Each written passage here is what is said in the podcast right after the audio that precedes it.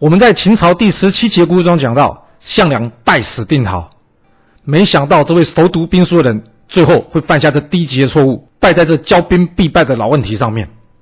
然而，这就是人性。很多时候，之所以会犯下骄兵必败的问题，那是因为目标不够明确。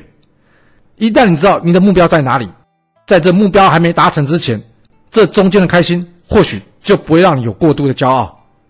所以，清楚明确设定好目标，或许才是可以避免自己犯下骄兵必败问题的重要关键。历史刻画着人性，了解历史，或许我们就能用不同的观点去判断事情。您说是吧？想了解完整版的故事内容，欢迎到我的爱故事频道去看哦。